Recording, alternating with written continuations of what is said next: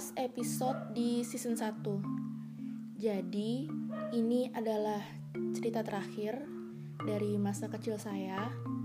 Ini terjadi saat saya masih kelas 6 SD Waktu itu saya baru pulang dari study tour. Saya dijemput oleh ibunya D. Ingat nggak temen perempuan saya di episode main bulu tangkis kemarin? Nah, karena rumahnya deketan, biasanya kalau saya dijemput duluan, D akan ikut dengan saya. Atau kalau D dijemput duluan, saya ikut sama dia. Nah, kejadiannya cepat sekali. Itu bisa dibilang jalan raya ya, bypass barulah waktu itu. Bisnya itu turun di sana. Terus motornya itu mau putar balik gitu ke arah kanan. Nyebranglah ibunya si D ini. Kami bertiga di motor itu. Tiba-tiba ada motor lain yang nyerempet dari kanan.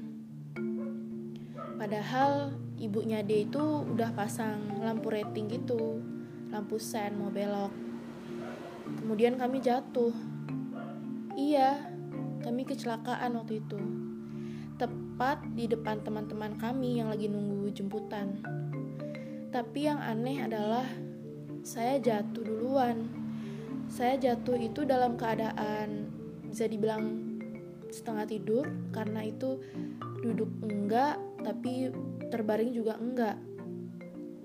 Saya paling belakang di posisi motor itu. Nah, si Denny di tengah. Dia dan ibunya kayak keseret motor gitu itu saya sepersekian detik kayak nggak sadar. Saya seperti terbang.